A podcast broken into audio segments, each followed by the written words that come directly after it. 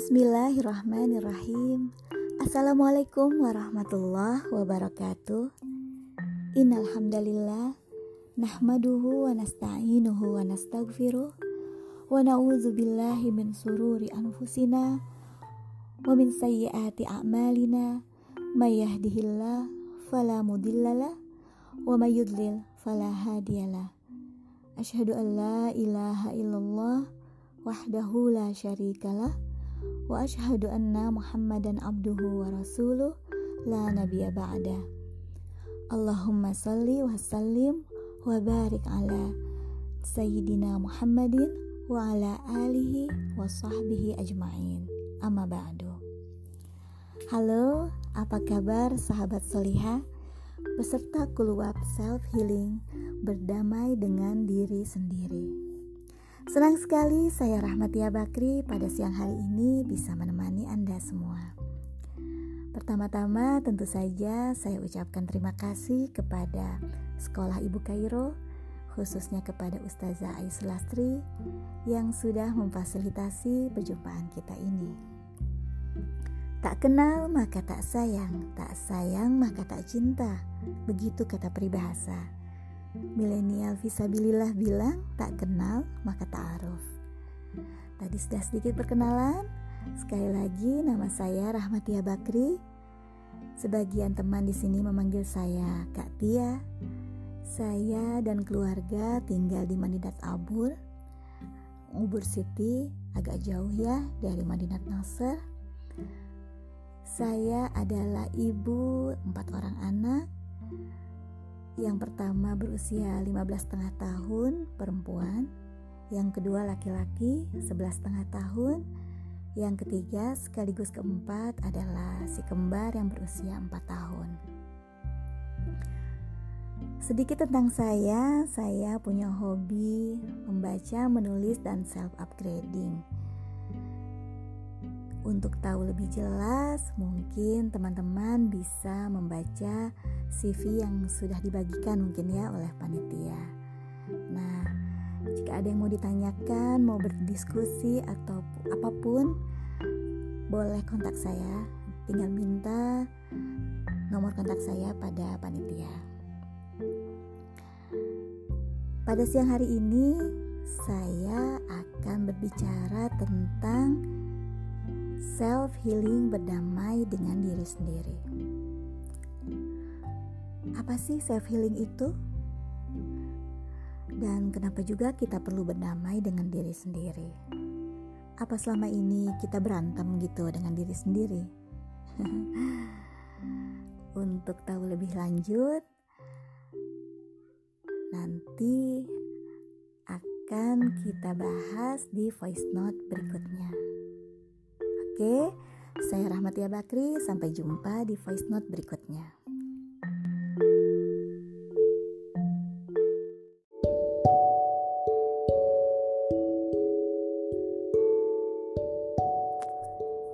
Masih bersama saya Rahmatia Bakri dalam Kuluap Self Healing berdamai dengan diri sendiri.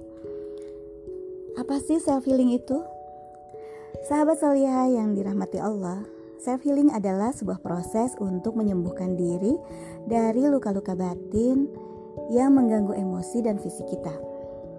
Sebelum lebih lanjut kita bahas tentang self healing, kita kupas dulu tentang apa itu luka batin. Kalau luka badan tentu teman-teman tahu ya, bisa kelihatan jelas kalau tergores berdarah kalau kulit kita tergores berdarah, kalau kepala kita terbentur jadi benjol, kulit menjadi membiru, nah mudah sekali kelihatan dan mudah mendeteksi kesembuhannya. Berbeda dengan luka batin, ia tidak kasat mata, nggak bisa kita lihat. Untuk sebagian orang, luka batin ini dialami saat masih kanak-kanak dan terbawa hingga dewasa loh. Luka batin itu terjadi akibat tekanan yang luar biasa berat atau terjadi secara terus-menerus. Peristiwa yang terjadi secara terus-menerus. Batin yang terluka akan menimbulkan perasaan sedih yang mendalam, perasaan tidak menentu, kemarahan, emosi tidak terkendali, kejengkelan, hidup yang tidak terarah, bahkan lebih parahnya bisa timbul keinginan mengakhiri hidup yang dianggapnya pahit. Nah, inilah tadi yang kita sebut juga uh, luka batin ini juga yang jika terbawa sampai dewasa ini disebut juga sebagai unfinished business sesuatu yang belum selesai pada diri kita.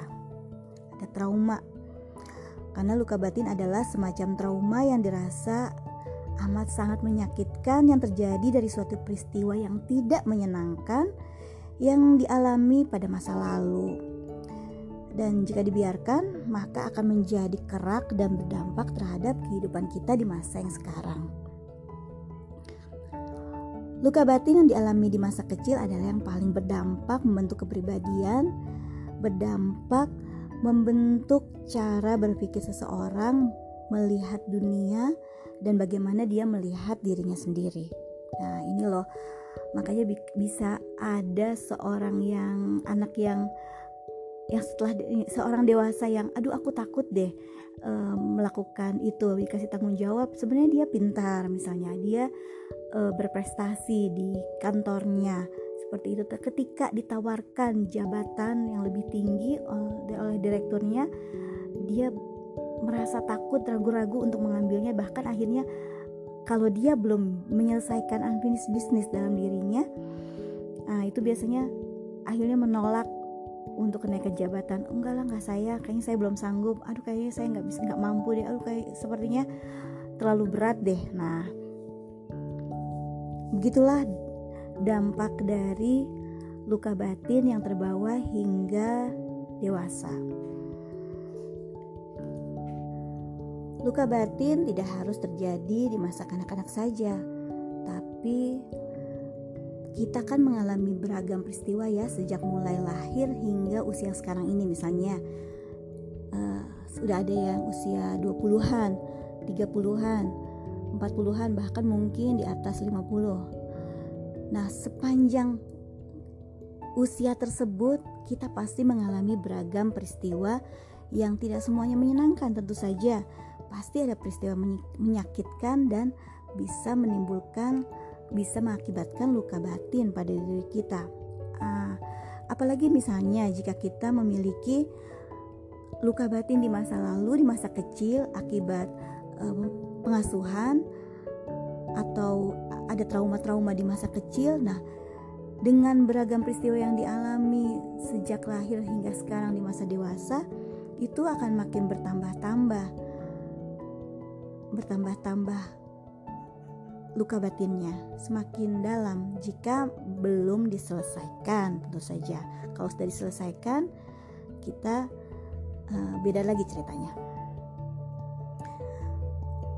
uh, luka batin pada orang kita nanti akan bicara di voice note berikutnya tentang luka batin yang terjadi di masa kecil, di masa dan di masa dewasa. Oke. Nanti kita jumpa lagi. Saya Rahmatia Bakri. Sampai bertemu di voice note berikutnya.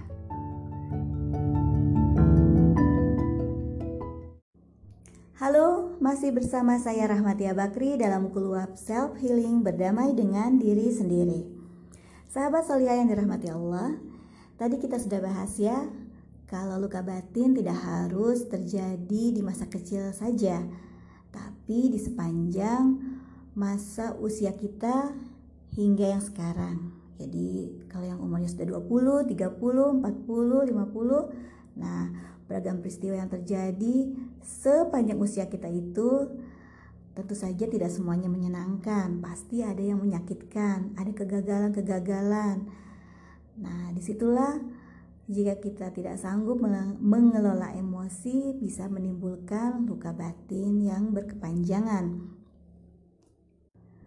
Lisa Berbiu, penulis buku The Five Ones That Keep You From Being Yourself, menuliskan tentang luka batin di masa kecil yang dibawa sebagian orang seumur hidupnya.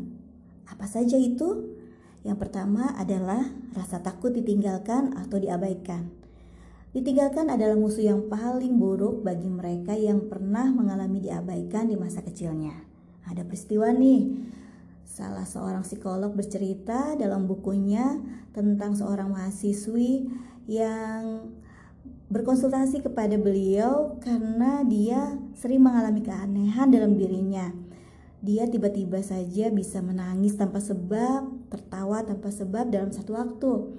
Akhirnya dia berkata pada si psikolog tersebut, e, saya tidak mau menjadi seperti orang tua saya dan saudara-saudara saya yang lain yang aneh. Katanya, Bu tolong bantu saya. Kemudian akhirnya dilakukanlah family terapi ya, maksudnya dipanggil semua e, ibunya, semua keluarganya, keluarga intinya maksudnya ya.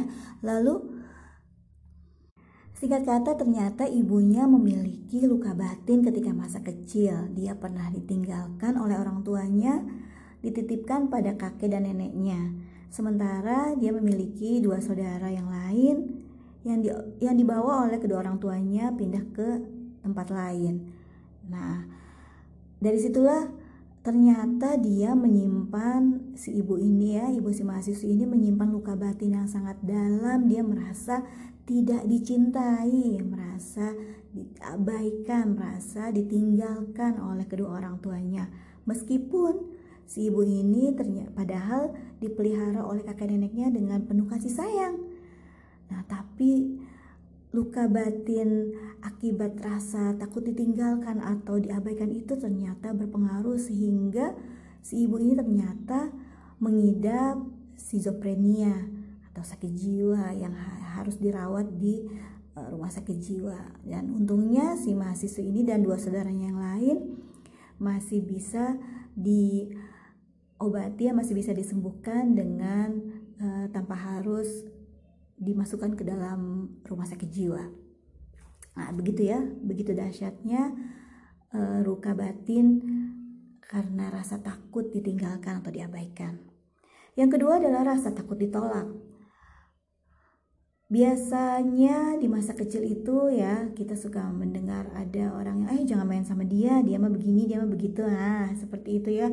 Nah, orang yang mengalami anak yang mengalami penolakan di masa kecil itu dia akan merasakan terluka.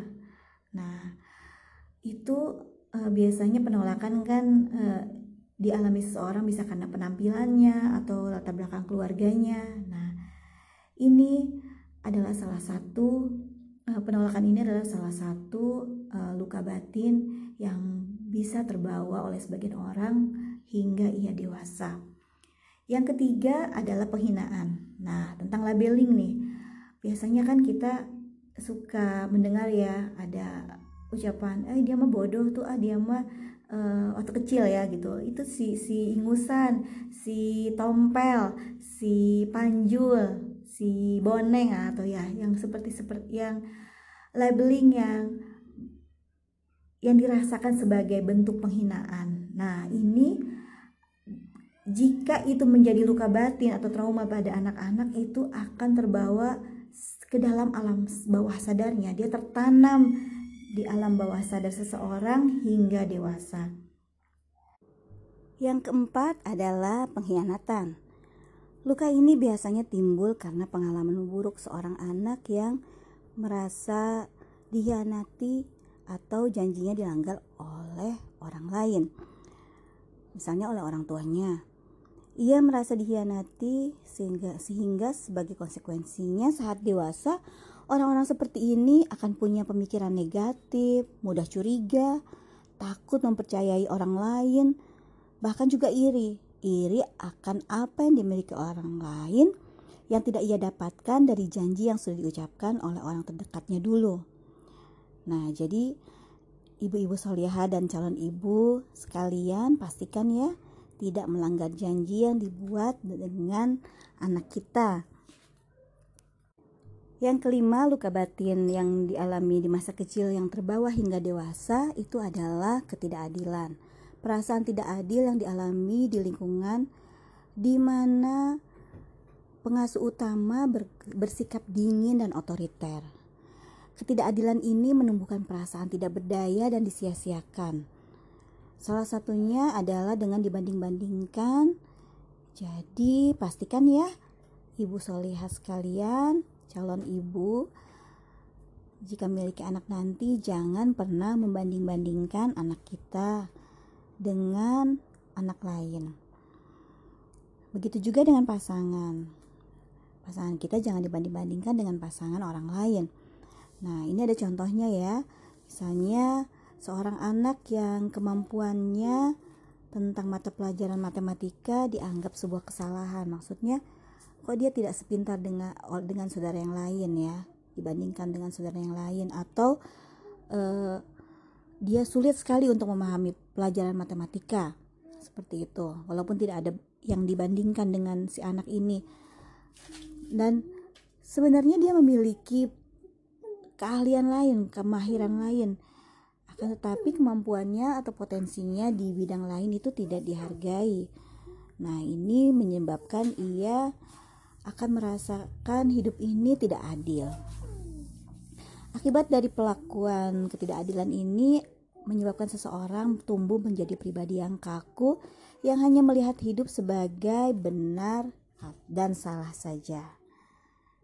Nah, nanti kita bahas ya Bagaimana kalau kita sendiri yang ternyata membawa beban luka batin di masa lalu? Nah, ini kita akan bahas di voice note berikutnya. Saya Rahmatia Bakri, berdamai dengan diri sendiri. Sahabat solihah yang dirahmati Allah, masih bersama saya Rahmatia Bakri dalam Kulwab Self Healing Berdamai dengan Diri Sendiri. Nah, tadi sebelumnya kita sudah bicara ya kalau Luka batin tidak harus terjadi di masa kanak-kanak saja, tapi bisa juga di sepanjang masa hingga usia sekarang. Nah, luka batin pada orang dewasa nih biasanya terjadi karena masalah asmara, cinta yang tak terbalas, putus cinta, dihianati pasangan. Nah, tapi bisa juga karena kegagalan. Kegagalan misalnya gagal masuk universitas yang difavoritkan, uh, tekanan kehidupan, kehilangan pekerjaan, kehilangan orang tua, atau kehilangan pasangan hidup dan sebagainya.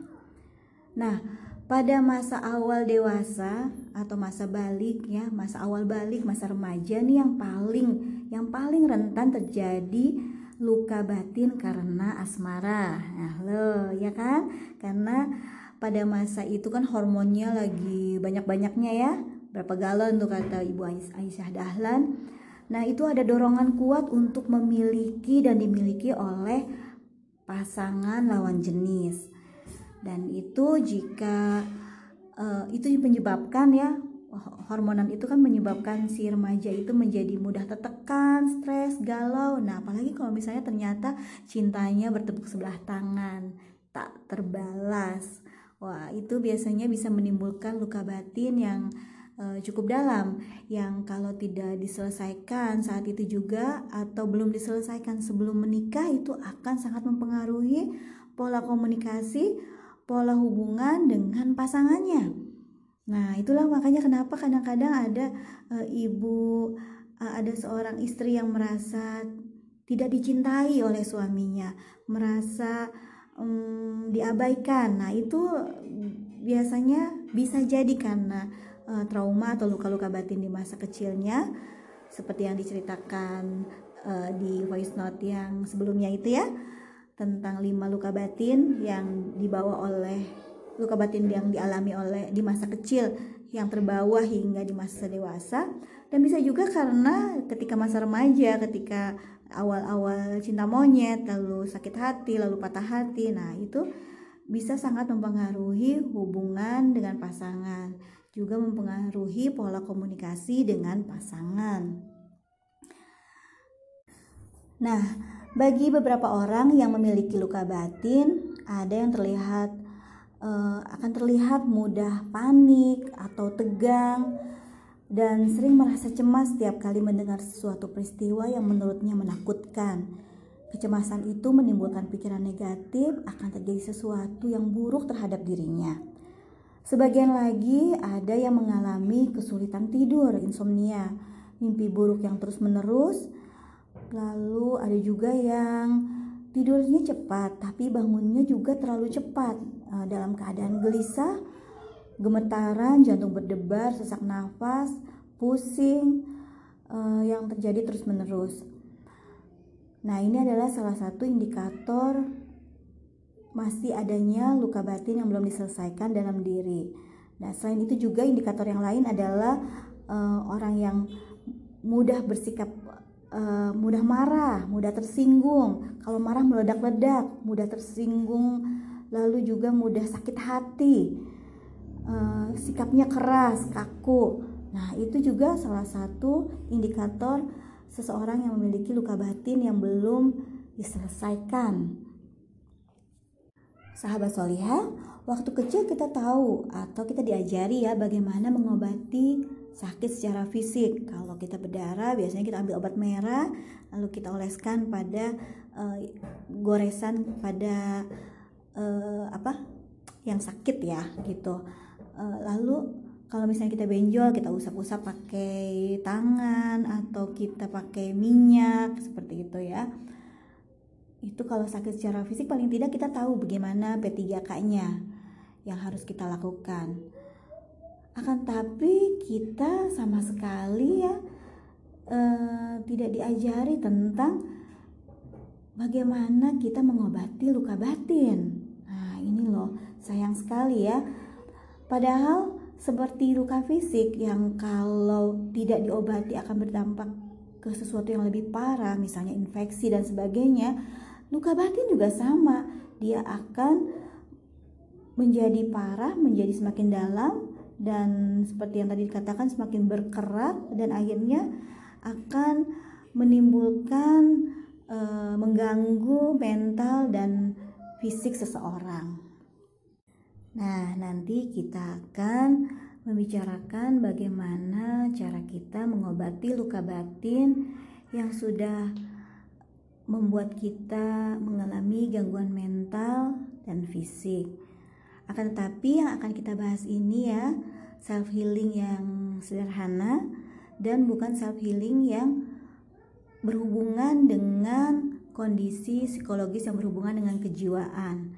E, misalnya bipolar disorder, manic depressive disorder, ADHD. Nah, yang disorder disorder belakangnya itu itu masih tetap harus uh, dipantau didampingi oleh ahli masing-masing bisa dokter, psikolog atau psikiater. Nah, kita uh, saya di sini tidak membahas tentang itu karena itu bukan di buka di luar bidang saya.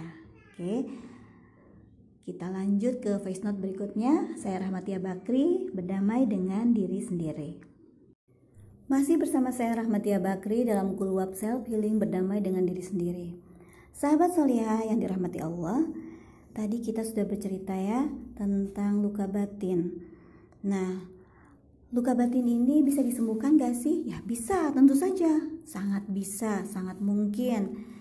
Nah, jadi kita sudah tahu bagaimana dampaknya dari luka batin ini jika tidak kita obati sangat berpengaruh pada kondisi mental dan fisik kita karena kita ketahui eh, kita ketahui ya kalau emosi itu emosi negatif itu justru berpengaruh besar terhadap kondisi kesehatan seseorang.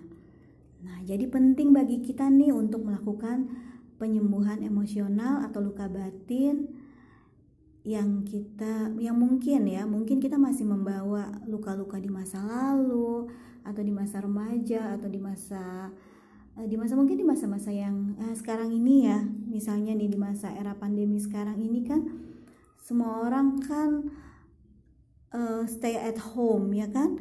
Nah itu biasanya uh, karena sudah di dalam rumah selalu bertemu yang biasanya tadinya ya bertemunya ketika uh, malam aja atau sore aja dengan pasangannya biasanya bertemu dengan anak uh, cuma dari mulai apa ya pagi bangun tidur nah dari mulai pulang sekolah sampai pagi bangun tidur sebelum sekolah seperti itu. Dan ini harus selama 24 jam bersama. Dan itu bagi sebagian orang yang masih belum selesai dengan dirinya masih memiliki unfinished business, masih memiliki luka-luka batin itu luar biasa menjadi sebuah ujian yang berat.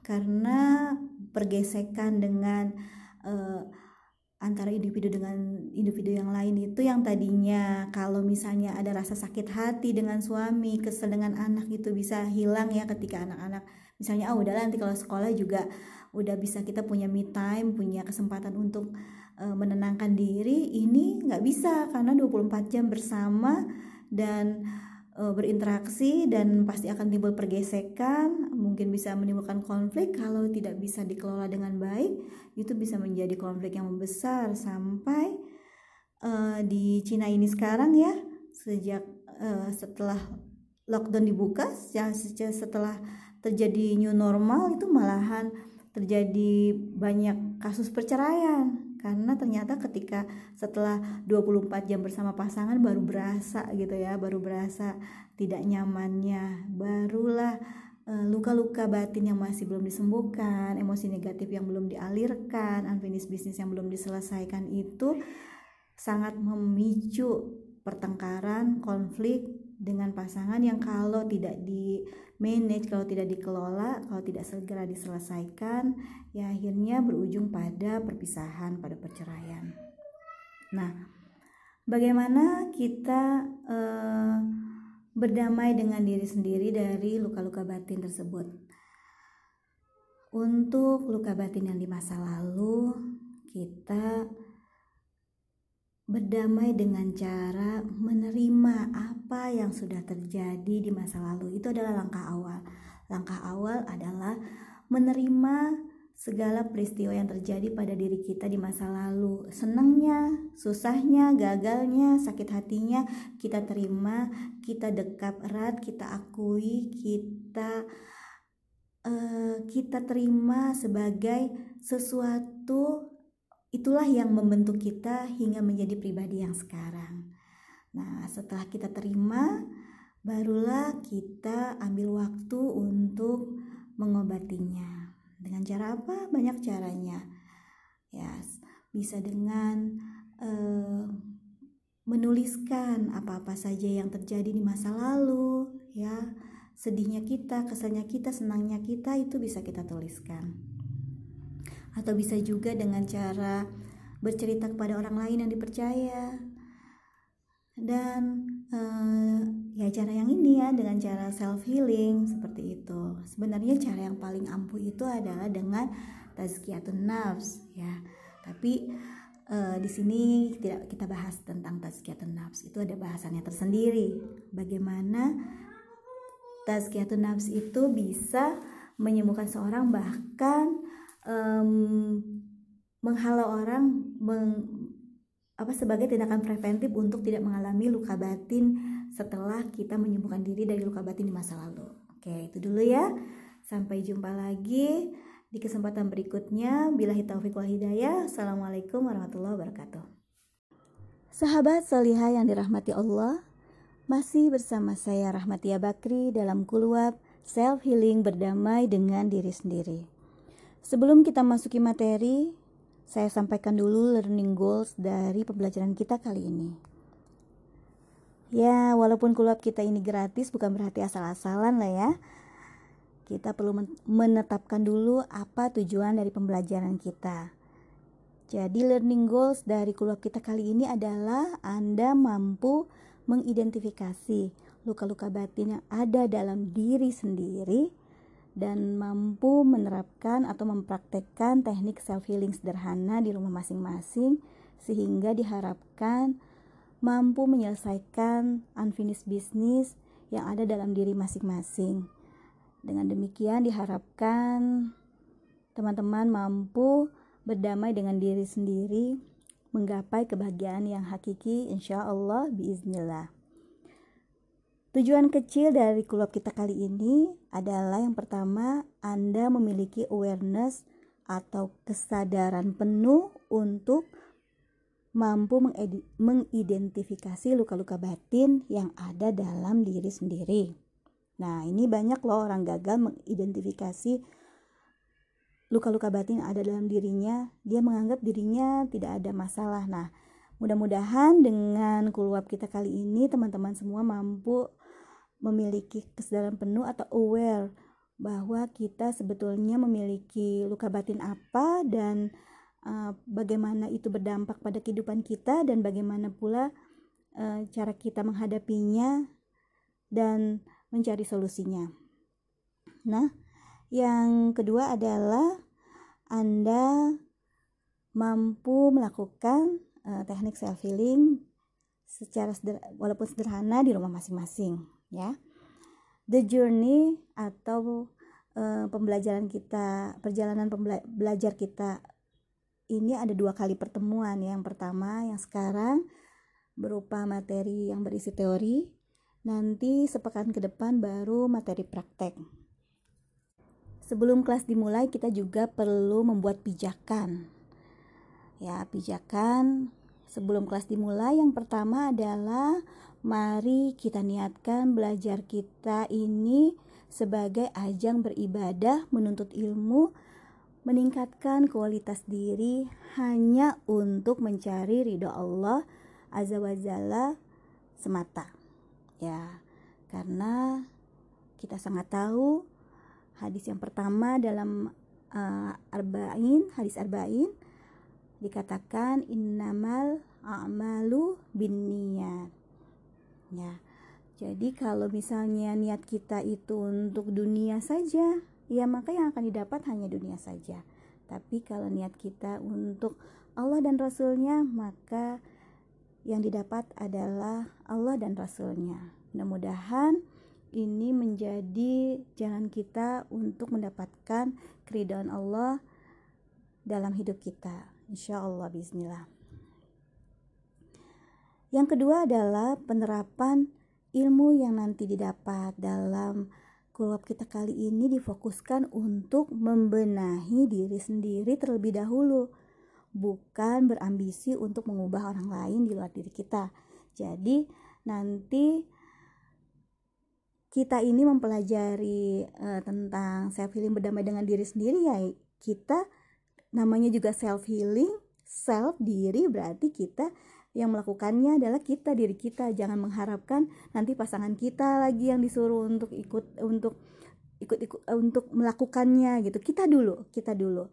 Karena kalau kita sudah memulainya nanti akan ada perubahan dalam diri kita maka insya Allah positivity itu akan menjalar ya positive vibes karena energi positif itu menular insya Allah nanti juga orang-orang di sekitar kita merasakan manfaatnya dan yang ketiga adalah kita belajar dalam kulab ini kita belajar teori dan belajar uh, prakteknya jadi kita bukan hanya pada level tahu dan mau, tapi juga pada level mampu. Insya Allah. Jadi untuk itu kita perlu uh, dalam belajar kita kali ini totalitas melakukan apa yang nanti didapatkan dalam keluar kita nanti uh, yang praktek ya dan setelah ini pun setelah walaupun ini hanya teori dalam tujuh hari ini untuk me, untuk mengikuti materi yang selanjutnya materi praktek maka disyaratkan untuk melakukan uh, challenge yang disediakan uh, selama tujuh hari. Nanti akan disampaikan challenge-nya apa. Nah itu tunjukkan totalitas kita. Kalau kita mau berhasil menerapkan sebuah ilmu dan ilmu itu menjadi ada hidup dalam diri kita maka kita perlu totalitas dalam mengerjakannya. Karena kerja otak itu diperkuat dengan kerja otot. Jadi kalau kita cuma sekedar tahu, sekedar hanya mendengar saja, oh iya tahu, sudah tahu. Kalau misalnya kita tidak melakukannya, tidak totalitas menerapkannya, maka ilmu itu akan hanya akan menjadi sia-sia saja. Tapi jika kita lakukan dengan kerja otot kita nah, kita melakukan menerapkannya di rumah apalagi yang namanya self healing ini perlu dilakukan tidak hanya sekali dua kali tapi juga dilakukan secara berketerusan uh, ya continue. Misalnya uh, dalam desainnya itu dalam uh, dis, dalam uh, psikoterapinya nanti itu dilakukan ya harus dilakukan selama belum selesai satu hari belum selesai rasanya masalahnya masih belum selesai belum tuntas emosi negatifnya masih banyak makanya dilakukan lagi esok kan dilakukan lagi. Jangan sampai bosan jangan sampai ya udahlah berhenti aja. Nggak nggak bisa begitu. Karena self healing ini kita sudah luka-luka batin yang kita punya ini dari uh, yang mungkin mengendap ya berkerak itu begitu lama dan tidak mungkin mampu kita selesaikan dalam waktu sehari dua hari saja. Jadi perlu dilakukan repetisi. Nah, kerja otak diperkuat oleh kerja otot. Karena kalau misalnya tidak ada totalitas untuk menerapkannya dengan totalitas, maka hasilnya hanya akan berupa pengetahuan semata. Oke, mungkin itu saja yang saya sampaikan sebelum materi dimulai. Kita akan memulai materi di voice note selanjutnya. Saya Rahmatia Bakri, berdamai dengan diri sendiri. Sahabat salihah yang dirahmati Allah, masih bersama saya Rahmatia Bakri dalam kuluab Self Healing Berdamai dengan Diri Sendiri. Sebelum kita masuki materi, saya sampaikan dulu learning goals dari pembelajaran kita kali ini. Ya, walaupun kulab kita ini gratis bukan berarti asal-asalan lah ya. Kita perlu menetapkan dulu apa tujuan dari pembelajaran kita. Jadi learning goals dari kulab kita kali ini adalah Anda mampu mengidentifikasi luka-luka batin yang ada dalam diri sendiri dan mampu menerapkan atau mempraktekkan teknik self healing sederhana di rumah masing-masing sehingga diharapkan mampu menyelesaikan unfinished business yang ada dalam diri masing-masing. Dengan demikian diharapkan teman-teman mampu berdamai dengan diri sendiri, menggapai kebahagiaan yang hakiki insya Allah biiznillah. Tujuan kecil dari kulub kita kali ini adalah yang pertama, Anda memiliki awareness atau kesadaran penuh untuk mampu mengidentifikasi luka-luka batin yang ada dalam diri sendiri. Nah, ini banyak loh orang gagal mengidentifikasi luka-luka batin yang ada dalam dirinya. Dia menganggap dirinya tidak ada masalah. Nah, mudah-mudahan dengan kuluap kita kali ini teman-teman semua mampu memiliki kesadaran penuh atau aware bahwa kita sebetulnya memiliki luka batin apa dan uh, bagaimana itu berdampak pada kehidupan kita dan bagaimana pula uh, cara kita menghadapinya dan mencari solusinya. Nah, yang kedua adalah Anda mampu melakukan uh, teknik self healing secara seder walaupun sederhana di rumah masing-masing, ya. The journey atau uh, pembelajaran kita, perjalanan pembela belajar kita ini ada dua kali pertemuan. Yang pertama yang sekarang berupa materi yang berisi teori.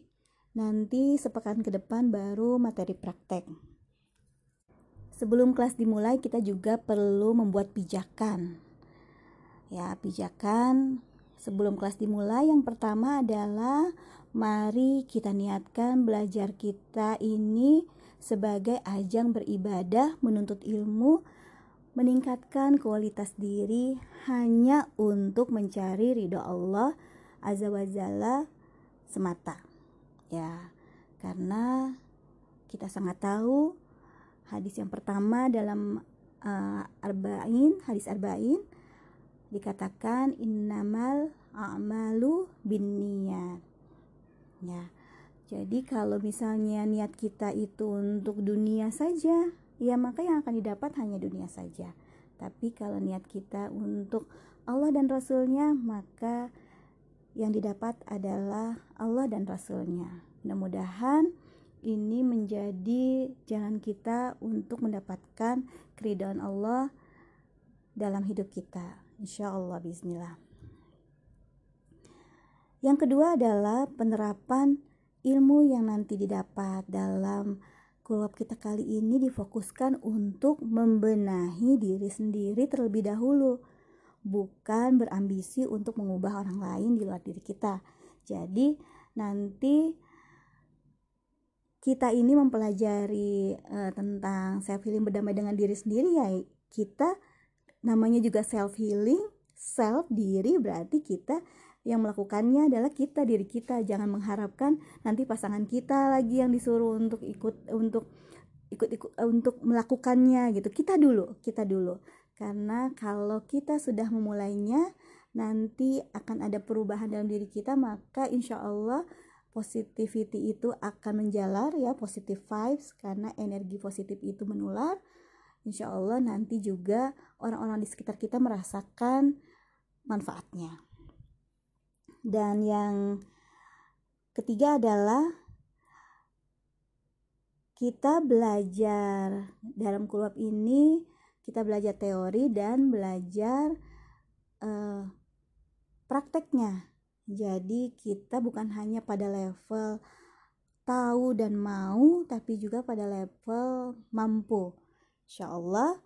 Jadi untuk itu kita perlu uh, dalam belajar kita kali ini totalitas melakukan apa yang nanti didapatkan dalam keluar kita nanti uh, yang praktek ya. Dan setelah ini pun setelah walaupun ini hanya teori dalam tujuh hari ini untuk me, untuk mengikuti materi yang selanjutnya materi praktek maka disyaratkan untuk melakukan uh, challenge yang disediakan uh, selama tujuh hari nanti akan disampaikan challenge-nya apa. Nah itu tunjukkan totalitas kita. Kalau kita mau berhasil menerapkan sebuah ilmu dan ilmu itu menjadi ada hidup dalam diri kita maka kita perlu totalitas dalam mengerjakannya. Karena ke, kerja otak itu diperkuat dengan kerja otot. Jadi kalau kita cuma sekedar tahu, sekedar hanya mendengar saja, oh iya tahu, sudah tahu. Kalau misalnya kita tidak melakukannya, tidak totalitas menerapkannya, maka ilmu itu akan hanya akan menjadi sia-sia saja. Tapi jika kita lakukan dengan kerja otot kita nah, kita melakukan menerapkannya di rumah apalagi yang namanya self healing ini perlu dilakukan tidak hanya sekali dua kali tapi juga dilakukan secara berketerusan e, ya continue. Misalnya e, dalam desainnya itu dalam e, dis, dalam e, psikoterapinya nanti itu dilakukannya harus dilakukan selama belum selesai satu hari belum selesai rasanya masalahnya masih belum selesai belum tuntas emosi negatifnya masih banyak makanya dilakukan lagi esok kan dilakukan lagi. Jangan sampai bosan jangan sampai ya udah berhenti aja. Nggak nggak bisa begitu. Karena self healing ini kita sudah luka-luka batin yang kita punya ini dari uh, yang mungkin mengendap ya berkerak itu begitu lama dan tidak mungkin mampu kita selesaikan dalam waktu sehari dua hari saja. Jadi perlu dilakukan repetisi. Nah, kerja otak diperkuat oleh kerja otot. Karena kalau misalnya tidak ada totalitas untuk menerapkannya dengan totalitas, maka hasilnya hanya akan berupa pengetahuan semata. Oke, mungkin itu saja yang saya sampaikan sebelum materi dimulai. Kita akan memulai materi di voice note selanjutnya. Saya Rahmatia Bakri, berdamai dengan diri sendiri.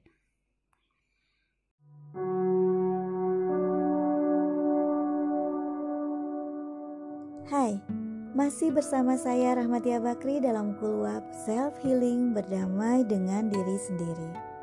Sahabat solihah yang dirahmati Allah, mengapa kita perlu berdamai dengan diri sendiri? Alasannya adalah karena setiap manusia pasti menambahkan kebahagiaan.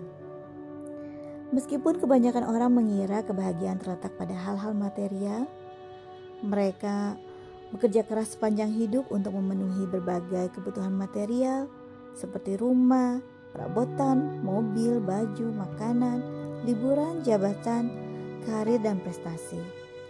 Namun pada kenyataannya kita sering mendapati orang-orang yang telah meraih semua itu bahkan dalam porsi yang berlebih ternyata tidak bahagia. Mereka justru mengalami stres, depresi, atau penyakit-penyakit fisik yang ternyata berakar dari stres dan depresi.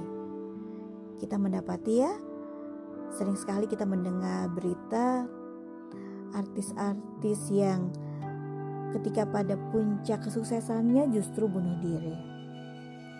Ini adalah bukti bahwa kebahagiaan itu ternyata tidaklah terletak pada hal-hal yang bersifat material.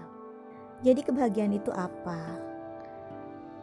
Kalau Aristoteles bilang kebahagiaan adalah tujuan akhir yang ingin dicapai oleh setiap manusia dalam hidupnya. Tapi kebahagiaan itu tidak mungkin dicapai dengan aktivitas-aktivitas instan seperti meraup uang banyak, mendengar musik, bercinta atau meraih jabatan. Tak cukup satu angsa atau satu hari yang cerah untuk menciptakan musim.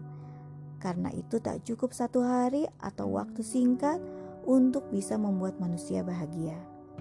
Artinya apa? Artinya, mencapai kebahagiaan memerlukan sebuah upaya panjang dan holistik dalam diri manusia. Jelasnya, Aristoteles mendefinisikan bahagia adalah manusia yang bahagia adalah dia yang sepanjang hidupnya dilalui dengan cara yang sesuai dengan nilai kebaikan. Sementara Martin Seligman, psikolog,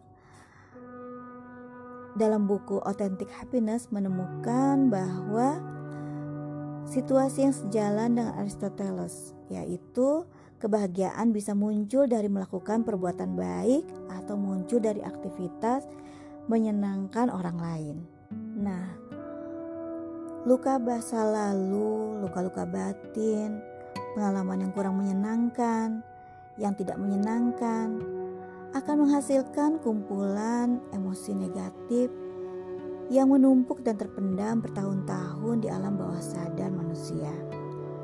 Endapan emosi negatif itu sangat berkorelasi dengan kesehatan dan kebahagiaan manusia pada saat ini. Hasil penelitian menunjukkan bahwa Bahagia itu membuat seseorang mampu bersosialisasi dengan baik, memiliki kesehatan yang lebih memuaskan, meraih kesuksesan, meraih kesuksesan yang lebih besar dan mampu mengendalikan perilakunya. Bahkan kebahagiaan memunculkan kreativitas, ide-ide baru, dan kemampuan berpikir yang lebih mendalam. Orang yang bahagia lebih mampu bertahan dalam melakukan pekerjaan-pekerjaan yang sebenarnya tidak membuatnya senang. Dia mampu bekerja multitasking, sistematis, dan penuh perhatian. Kita merasa bahagia ketika ada perasaan-perasaan positif dalam diri kita. Misalnya, senang, gembira, riang, sabar, lucu, bangga, dan lain-lain.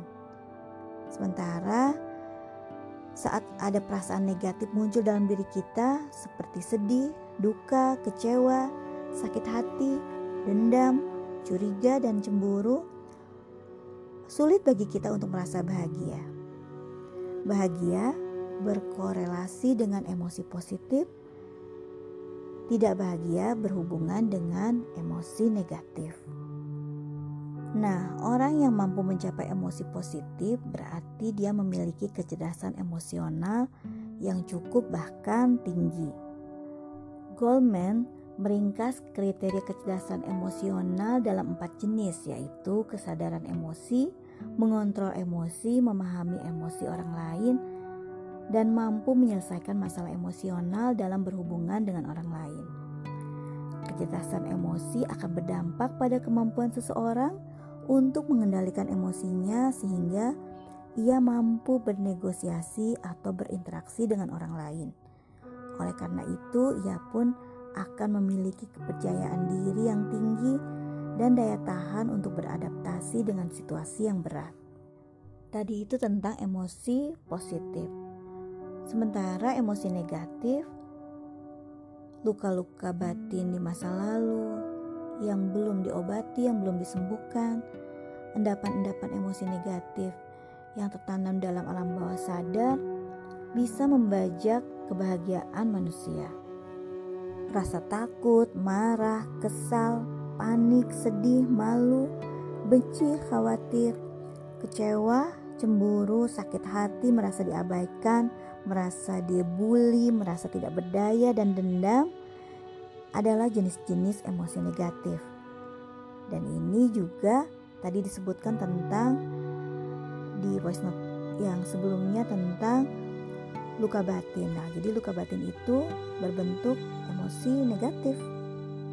Nah, seperti yang sudah disampaikan bahwa luka-luka batin yang belum diselesaikan akan berpengaruh mengganggu kesehatan mental maupun fisik seseorang. Misalnya nih ya, uh, orang yang mudah marah itu biasanya penyakitnya adalah darah tinggi dan uh, penelitian membuktikan menemukan bahwa kemarahan yang dipendam atau anger in itu juga memicu kambuhnya hipertensi, kambuhnya tekanan darah tinggi. Jadi emosi negatif ini perlu diselesaikan agar tidak berdampak pada kesehatan mental dan fisik kita. Gitu ya. Sampai di sini dulu. Nanti kita akan bahas setelah akan bahas tentang self healing di voice note berikutnya. Saya Rahmatia Bakri. Sampai berjumpa di voice note berikutnya.